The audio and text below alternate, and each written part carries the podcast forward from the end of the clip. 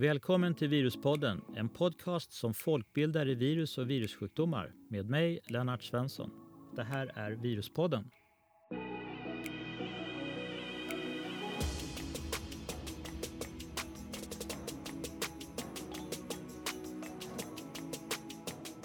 Välkomna till dagens viruspodd med mig, Lennart Svensson och Åke Lundqvist. Vaccinationer har på mindre än ett sekel räddat livet på många miljoner människor runt om i världen. Inte minst barn. Och tillsammans med antibiotika de största medicinska upptäckterna. Dödligheten i smittkoppor och mässling var enorm under perioden före vaccination. Men en stor del av befolkningen som dog eller insjuknade under pandemier. En av de mest framgångsrika vaccinationskampanjerna som har gjorts i Sverige är den mot polio. E-, eller barnförlamning som sjukdomen kallades för. Det svenska vaccin som introduceras 1957 skulle visa sig vara mycket verksamt. Och på bara några få år så försvann sjukdomen från Sverige. Idag finns det bara ett litet antal poliovirusfall i världen. Tre, fyra, fem kanske. Det finns goda förutsättningar för att helt utrota detta virus från planeten om vaccinationsgraden upprätthålls.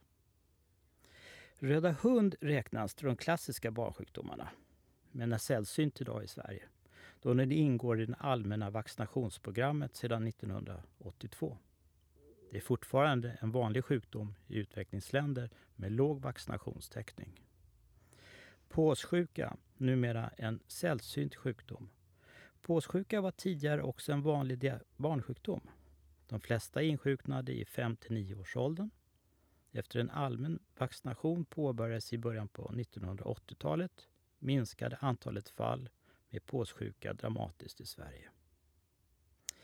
Med oss idag har vi Hans Wixell, professor emeritus i immunologi, tidigare generaldirektör för Statens bakteriologiska laboratorium, Smittskyddsinstitutet, under tio år rektor för Karolinska institutet, ledamot av Kungliga Vetenskapsakademin, Kungliga Ingenjörsvetenskapsakademin, rådgivare till regering i nio, minst nio år, ledare av Karolinska institutets Nobelkommitté, ledamot av Finska vetenskapssocieteten.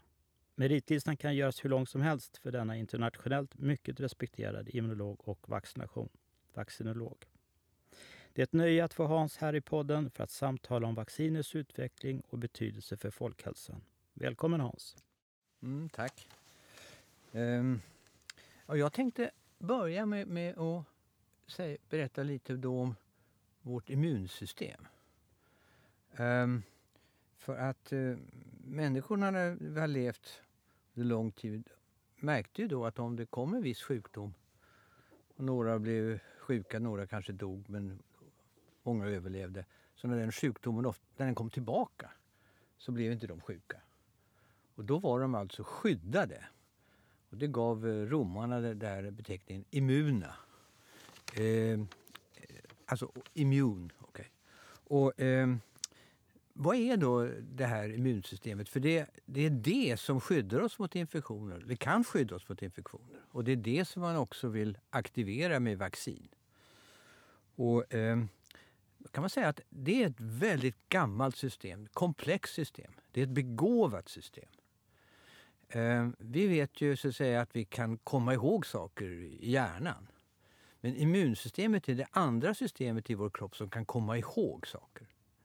Faktum är så att, säga, att om man tittar på äldreboende och personer som kanske har blivit så att säga, ja, eh, senila och dementa så kan fortfarande immunsystemet ibland vara det som fungerar på, på, på sin sätt.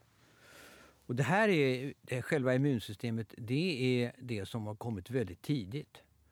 Och eh, det har gjort så då att vaccinerna som vi talar om nu eh, är så extremt effektiva och ofta så att säga de enda sakerna vi har mot vissa typer av le läkemedel eller mot sjukdomar. Och vaccin, det är ett konstigt ord. Var, var kommer det ifrån? Ja, det kommer från ordet ko, kossa. Vach, vach eller vacka på latin. Och det har att göra med att, att eh, när man tittar på eh, de här vaccinerna, och vaccinerna fungerar alltid som så att man försöker att få in i människans kropp då, någon, eh, någon del eh, eller hela delar utav det här viruset som man vill skydda mot. Och i, i det här sammanhanget då så det har ett historiskt bakgrund som är ganska intressant. Eh, som eh, Lennart Svensson berättade om så var ju det att Eh, pratar om att smittkoppsepidemierna var ju fruktansvärda. Eh, Jag tittade på dem häromdagen och det, var, det var, hade en intressant periodicitet. De kom ungefär var femte år så toppade de. Tittar man på det där vid eh, ja, slutet på 1700-talet så var det i snitt 10 000 döda vart femte år i smittkoppor. Vilket skulle motsvara ungefär 50 000 döda vart femte år i Sverige nu, om det har varit på den. För att ge storleksordning på det där. Men innan, sen hittade man då eh, i det här sammanhanget att man kanske kunde vaccinera. Och det, att det var ko, som ko kommer in här, ja, det berodde på en engelsk läkare som heter Edward Jenner, en sån provinsialläkare, distriktsläkare, eh, som kom underfund med, de berättade att de här mjölkerskorna, de som mjölkade kor, eh, de var vackra. De hade inte eh, sådana här svåra ärr efter, ko, eh, efter de här smittkopporna som folk fick som eh, överlevde smittkoppor. Och eh, det sa de själva att ja, det beror på att vi har haft kokoppor. Och vad var det då? Ja, det var en sorts kusin kan vi säga till smittkoppsviruset. Eh, och det hade de hopp, hopp. Och i och med det att, liksom att de fick skydd mot den här milda sjukdomen så blev de också skyddade mot den här svåra sjukdomen. Här hade man också, i, framförallt borta i Asien sedan flera hundra år tidigare förstått att man kanske kunde använda skorpor och, och skära lite i koppor från folk som hade smittkoppor och sen ta den här kniven eller nålen och föra över på människor och sticka dem. Och många av dem fick då en lindrigare sjukdom. Man kallar det för koppning eller variolisering som är koppning. Och, då, eh, och jag råkade ut själv personligen 1963 så gick jag eh, kursen infektionssjukdomar på Roslagstulls sjukhus. Och eh, vi kom, fick komma in för att överläkaren, den här professorn, sa kom in nu allihop. Titta här är en ovanlig sak. Här är en kvinna som är nästan i 50-årsåldern och har vattkoppor. Och det är ju en barnsjukdom. Så det är, titta, hon har ju koppor till, till och med upp lite i huvudet. Kom fram och skrapa på dem ungefär. Okay. Och sedan slogs liksom eh, bomben ner. För att på Statens bakteriologiska laboratorium så kollade man in det där och sa att det är smittkoppor. Hon har smittkoppor. Och det visade sig att det var en sjöman som hade kommit med smittkoppor och så var det hans mamma och så var det ytterligare en person, jag tror det var hans syster, kanske eller maka.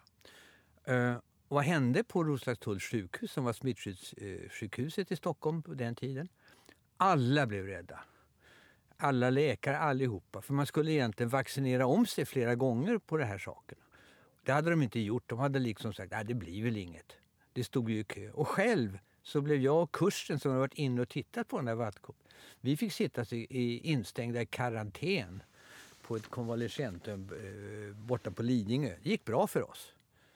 Det var, blev inte så farligt. Man stoppade mycket. Man vaccinerade som 17 på det där. Men, så det blev en 27 stycken smittade säkert och fyra döda.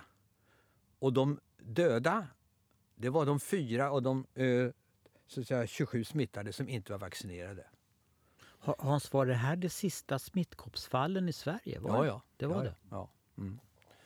Det var det. Och, eh, och, och, det var, de här hade ju inte vaccinerat sig på grund av faktiskt religiösa skäl. Men det visar ju så att säga det här helt eh, så att tragiska.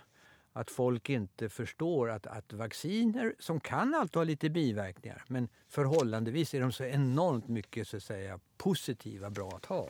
Hur, hur, stor del av befolkningen var grundvaccinerad då 63? Alla eh, typ? Eller? I stort sett alla utan de som hade sagt nej. Mm. Och de här som dog tillhörde alla så att säga en, en religiös åsiktsriktning. Men sen körde man, när det här satte igång ja. så körde man också massvaccineringar Om, på stan? Ja, man körde massvaccination.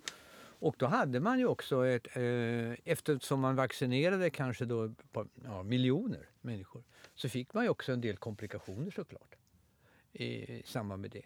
Men, alltså, men det bidrog till att vi hade en väldigt god så att säga, skydd mot detta. Och som eh, eh, Lennart Svensson sa alldeles nyss så var ju det att smittkoppor går bara på människa i princip. Och eh, i och med att man fick fram det, ett bra så att säga, vaccin så småningom och kunde göra, följa upp det här så var den sista personen som hade smittkoppor det var en person i, i Somalien, Somalia. Eh, och på 60-talet tror jag Och eh, sen har man inte kunnat se det. Problemet som man är rädd för det är att eh, det här viruset är inte eliminerat från jorden. Det finns i vissa frysboxar. Och det finns också i stormakternas, det finns i Rysslands och det finns i USAs och så vidare. Okay. Plus att man faktiskt också kan eh, göra det här viruset igen om man vill nu med modern teknologi om man vill vara så att säga elakartad. Okay. Men vaccinet i alla fall var här totalt avgörande i det här. Vad, vad finns det för, om du spånar rakt ja. upp och ner sådär, vad är det för vacciner som du tycker man skulle behöva i framtiden? Så om du fick spåna, vad, vad finns det för jättebehov och vilka virussjukdomar är vi skulle vilja ja, förebygga? Jag tycker så här, eh, det är ju luftvägsburna, alltså luftburna virus. Det är de som är överlägset eh, farligast. Vi måste ju andas. Och det är de som alltid... Eh, det är influensa till exempel. Det är så att säga, de här coronavirusvarianterna. Och det finns faktiskt ett, ett, eh, antal andra virus också som man så att säga, kan ligga och lura där. Så att eh, om man ska göra en, en typ av pandemiberedskap och allting så är det ju absolut tydligt att man ska inrikta sig på luftburen smitta av virustyp. Det är det. Och det, eh, det kommer att komma. Det finns alltså eh, många tusentals virus på olika sätt. Och vi ska veta att det här coronavirus som vi har haft, fått råka nu, det finns ju redan varianter av det som är milda, som har funnits så länge. Men så finns det också eh, många värre. Det finns ett som fortfarande är lite aktivt nere i Saudiarabien och liknande, som inte sprids något bra, som heter MERS, M-E-R-S. Och det har ju en 30-35 procent i dödlighet till exempel. Hade coronavirus haft en, en, en, en dödlighet på låt säga 5 eller 10 procent då hade vi inte levt i den värld som vi lever i nu. Och så kommer ju vaccinerna då. Och hur fungerar vaccinerna? Ja, vaccinerna är ju egentligen att egentligen försöka att ge kroppens immunsystem uppfatt, uppfattningen att den har råkat ut för den här virusinfektionen utan att den skapar sjukdom, men att den skapar minne. Och immunsystemet det har en massa olika typer av celler i människokroppen som ska dra igång. Då några gör saker som åker runt, äggviteämnen, proteiner, så kallade antikroppar som åker runt i, i blodomloppet och täcker överallt. Finns det celler eh, som också är väldigt aggressiva, mördar och hjälparceller och sånt där som aktiveras och går igång. Och tillsammans så gör de så att säga eh, att det här viruset som man har vaccinerat mot till exempel, att det inte egentligen kan orsaka sjukdom. Det är, så enkelt är det. Och vad, vad består vaccinerna av? Ja, ja, från början så har de bestod, bestod de av hela virus, försvagade viruspartiklar kan vi säga, eller virus i de här smittkoppssituationerna. Och sedan så eh, har man gått, använt modern teknologi. Man har kunnat odla fram delar av viruset och använt eller avdödat så kallat virus i stora mängder. Och som folk har tittat på nu är ju så att säga de här så kallade mRNA, eh, RNA-vaccinerna som har kommit på coronan som har varit ju otroligt eh, effektiva och eh, väldigt bra och kan göras jättesnabbt i stora mängder. Medan om man tittar på den eh, till exempel influensavaccin som, som vi alla eh, har fått under årens lopp. Det har ju gjorts på ett väldigt jobbigt sätt men man har odlat viruset i hönsägg och sen eh, försökt att skala upp det på olika sätt. Medan, och det har tagit månader och lång tid. Det här eh, mRNA-vaccinerna kan man göra i princip på veckor, veckotid. Bara man liksom så att säga, har satt övrigt produktionsanläggningarna igång. Så det har varit fantastiskt. Sen kan man säga så här, kan immunsystemet funka då? Alltid? Kan man alltid göra vaccin? Nej ska vi veta att det är fortfarande ett, ett antal eh, virussjukdomar som man hittills inte har lyckats med att göra vaccin. Den, den eh, kanske värsta av de här i nuvarande det är ju den som orsakar aids, hiv. Jag satt själv som ordförande i WHOs eh, HIV-vaccinkommitté och ledde WHOs arbete i många år på den. Och, eh, det har inte gått. Ingen har lyckats. Varför då? Ja, för att det här är ett virus som bland annat använder immunsvarets reaktioner för att föröka sig snabbare till exempel. Det är ett väldigt komplicerat virus, ett begåvat virus om man så säger.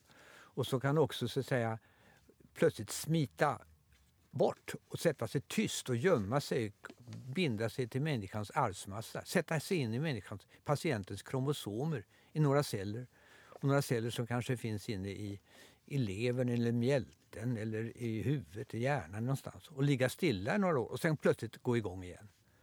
Så att eh, man ska inte tro att det finns vacciner mot alla virussjukdomar. Men det finns mot en hel del. Och det har blivit mycket, mycket bättre i teknologin att förstå det här mRNA-vaccinerna fungerar på det enkla sättet att de egentligen sprut, går in och så producerar de kroppens egna celler en liten bit av det här virus, viruset eh, under en viss tid helt enkelt. Så länge som det här RNA som det kallas finns kvar i kroppen. Det lämnar inte några genetiska spår, några faror på något sätt. Och sedan så, så eh, försvinner det. Men det är, är så att säga, de mest effektiva vaccinerna hittills faktiskt, tycker jag. Mm. Jo, jag tänkte en fråga kopplat till HIV där. Har man gett upp eller kommer man ge upp idén om att göra ett vaccin mot HIV?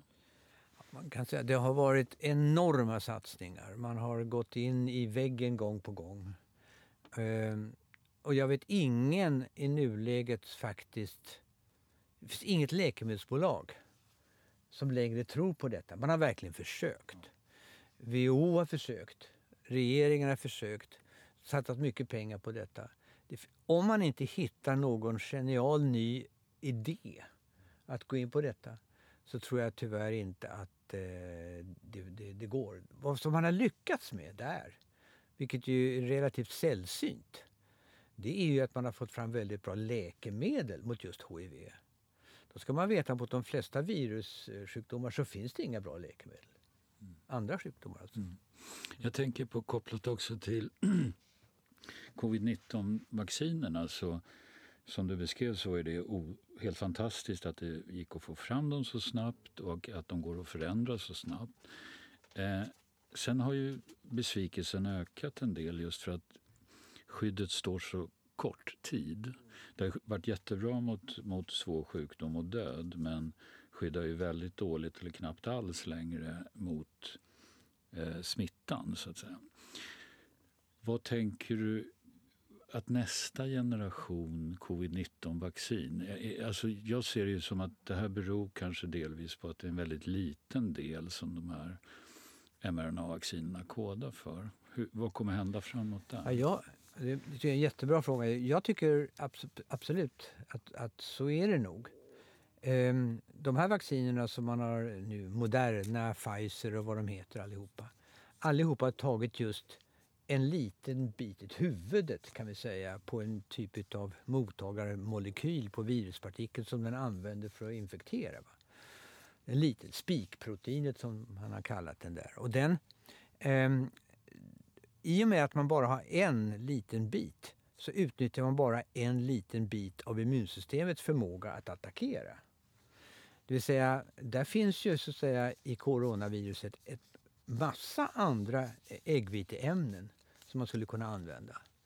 Personligen så tror jag liksom att, att de vacciner som kommer att komma och komplettera det här nyrande mRNA eh, kommer att innehålla eh, mycket större delar utav viruset partiklar. Vi har ju till och med ett, ett svenskt vaccin, svenskt-engelskt vaccin som kommer, eh, Valneva-vaccinet, eh, som innehåller just eh, flera av de här eh, covid-19-proteinerna och som jag tycker ser väldigt bra ut för den använder just också den delen av immun, människans immunsystem som kallas för det, det här med cellerna, det cellförmedlade immunsystemet inte antikroppen utan den cellförmedlade. Och det verkar den göra väldigt väl, va? tycker jag.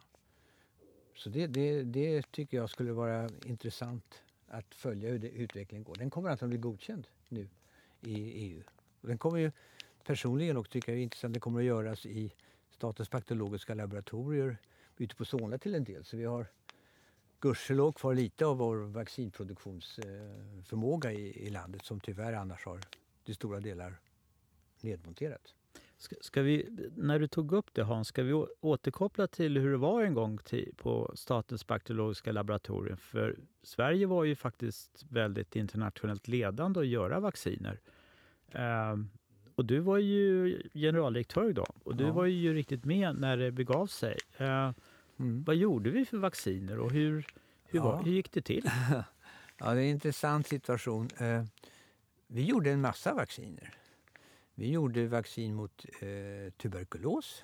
Det är alltså kalmetten som många av oss har märken som, eh, på armar och liknande. För, att, och för tuberkulos var ju den stora döda, dödliga bakteriesjukdomen. Okay.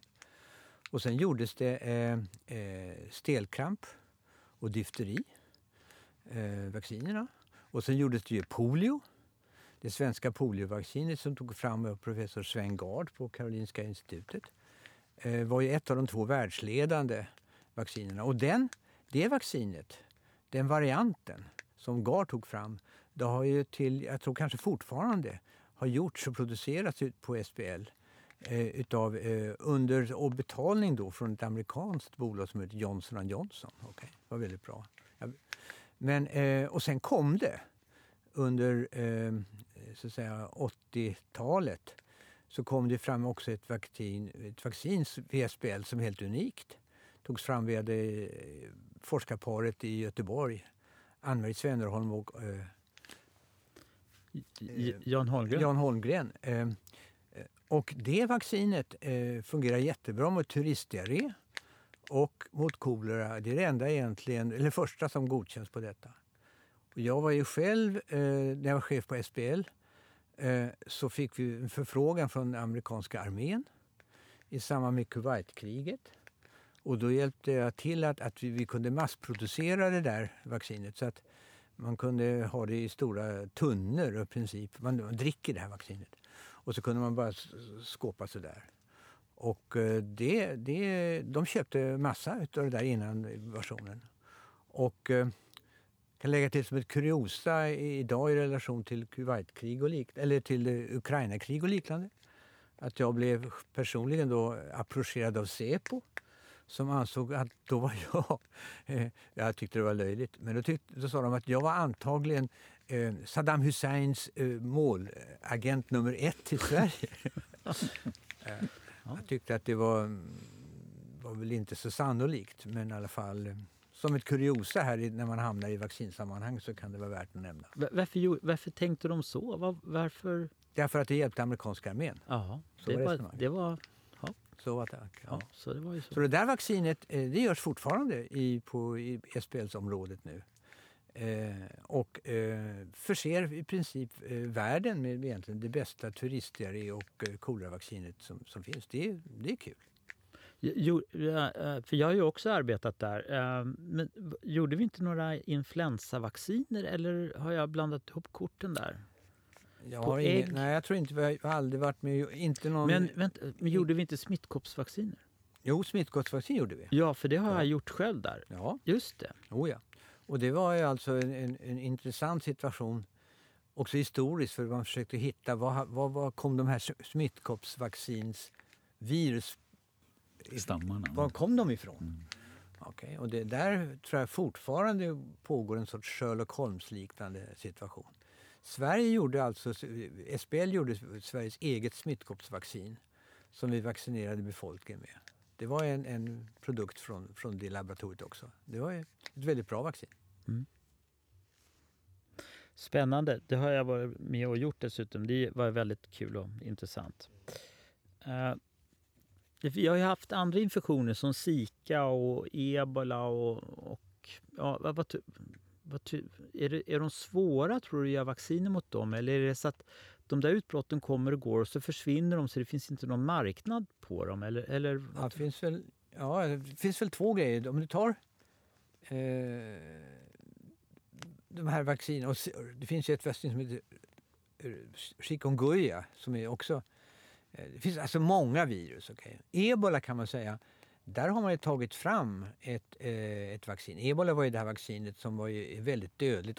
Återkommer då och då i olika varianter nere i Afrika.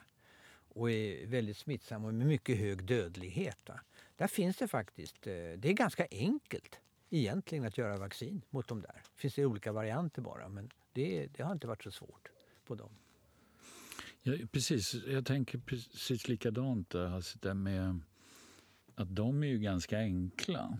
Och vi har ju, om vi tar Zika till exempel, så har vi ju bra vaccin mot TBE. Det är inte så komplicerat, det är liksom ett avdödat och det funkar bra. Men där det verkar vara svårt är ju luftvägsvirus. Och där tänker jag lite bak till det du sa om HIV. Är det så att vi behöver hitta på något helt nytt för att göra ett vaccin som ger ett långvarigt skydd mot luft, luftvägsinfektioner? Alltså, det finns ju, om vi tar två virus nu som, som, eh, som är väldigt vanligt förekommande i svenska och i världens befolkning. Och det är ett som heter EBV, Epstein-Barr-virus. Uh, kanske kyssjukan, tror jag, om man talar om så att säga ute. Det, I Sverige med hög hygien så blir man, blir man normalt smittad när man börjar kyssas. 15 eller 13 år eller vad är det nu och sen uppåt. Okay? Och eh, man kan bli rejält sjuk. Jag har fina andra namn. Och, men det viruset det finns sen kvar i kroppen hela tiden. Och eh, det kan också börja orsaka eh, dels vissa typer av cancer, lymfom. Alltså, och så kan det också eh, i det här sammanhanget kanske eh, vara delvis ansvarig för multipelskleros till exempel. Det man tror nu. Eh, och sen har vi ju ett annat virus i det här sammanhanget som heter eh, cytomegalo, CMV. Som också är en, en, en sån här stor, väldigt knepig sjukdom eh, som den orsakar på olika sätt. Och, men, och, men tar man det här, dessa virus som finns kvar i kroppen hela tiden så är det då eh, dels är det Epstein-Barr men sen det som folk känner till mest det är det som ger bältros. Alltså herpes zoster som det heter på fint språk. Eh, ger vattkoppor är annars. Och eh, där man alltså då eh, har en situation där man inte blir av med det heller. Man har det. Så vi, sen från barndomen har ju vi, alla vuxna, har vi blivit bärare av ett antal olika, låt oss säga sovande virusinfektioner. Vissa av de här kan gå igång om vi får så att säga nedsatt immunsvar som bältros till exempel. Som bland annat kan få det. Eh, men annars så gör, så eh, gör de normalt ingen skada. Komplicerat, men så är det. Det har ju eh, nyligen introducerats eh, vattkoppsvacciner som då ska skydda mot det som man senare i livet kan få bältros. Eh, och det är väl en av de få vaccinerna mot virusinfektioner som ger persistens, alltså blir kvar i livet, livet ut kan man väl säga. Hans, vad tycker du om...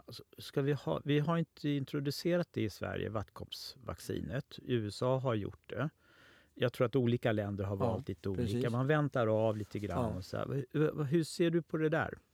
Ja, det, alltså, det, är, det är en jätteintressant fråga. För att så här är det. Att eh, en av de stora farhågorna eh, med, med, med det här har ju varit att viruset, när det finns kvar i kroppen, kan det utvecklas och bli någonting dåligt. Okay.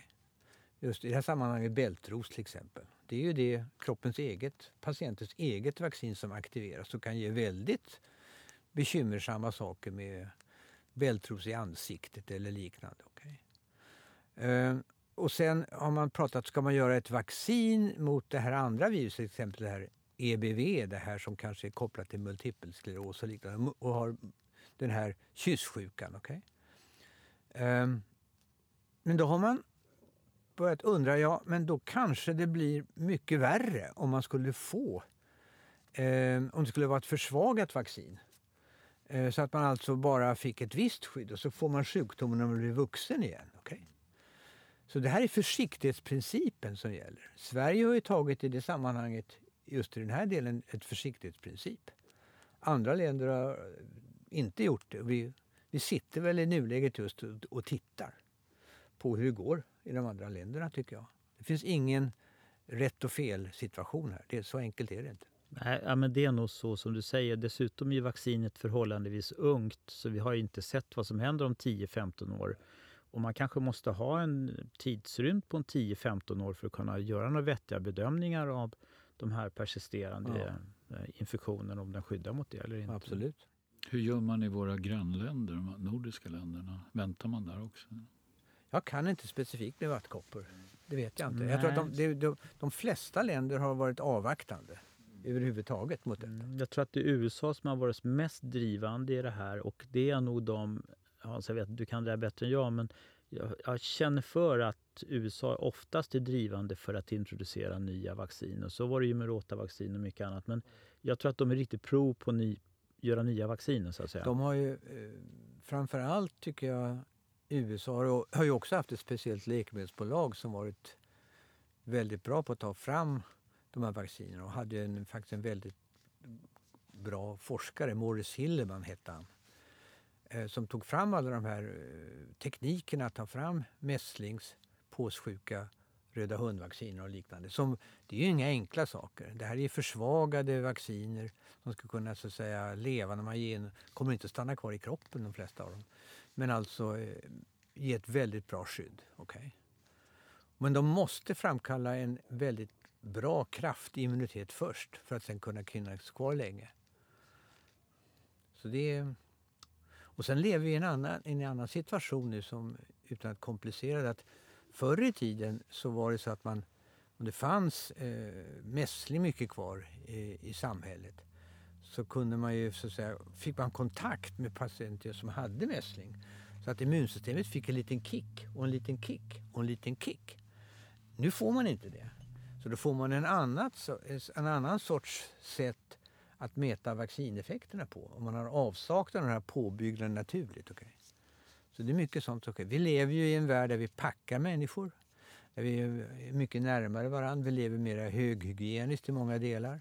Man har en förändring i immunsystem för alltihop. Man ändrar så att säga, på förutsättningarna för hur vaccinet ska funka. Men återkommer, det finns ingenting i den medicinska vården som har varit mera effektivt och bra att hjälpa människor mot infektionssjukdomar och framförallt att extremt mycket reducera barnadödligheten eller de invalider som uppstod före efter barnförlamning, hjärninflammationsskador och så vidare. Okay. Så vaccinerna är oslagbara i sin, i sin effektivitet, kostnadseffektivitet och sin eh, helt enkelt jämförelsevis väldigt ringa biverkningar jämfört med de stora effekterna. Sen finns det en annan sak som jag tror är, är, är jag ser personligen fram emot. Och det är att man eh, kanske får en eh, ny, nya tekniker nu så att man inte använder, behöver använda sprutor.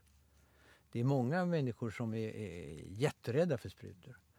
Och i många delar av världen så anses att sprutorna är något som verkligen ger eh, konstiga effekter och sånt där. där vanföreställningar finns det. Det finns till exempel eh, sådana här eh, mikronål som ett plåster. Väldigt fin utveckling som kommer nu. Jag tror att man kommer att kanske ha små plåster som man sätter på. Så kanske om en 5-10 år, faktiskt, så nära kan det vara, så har man att man vaccinerar med plåster. Då tror jag en hel del de som har den här fobierna mot nålar.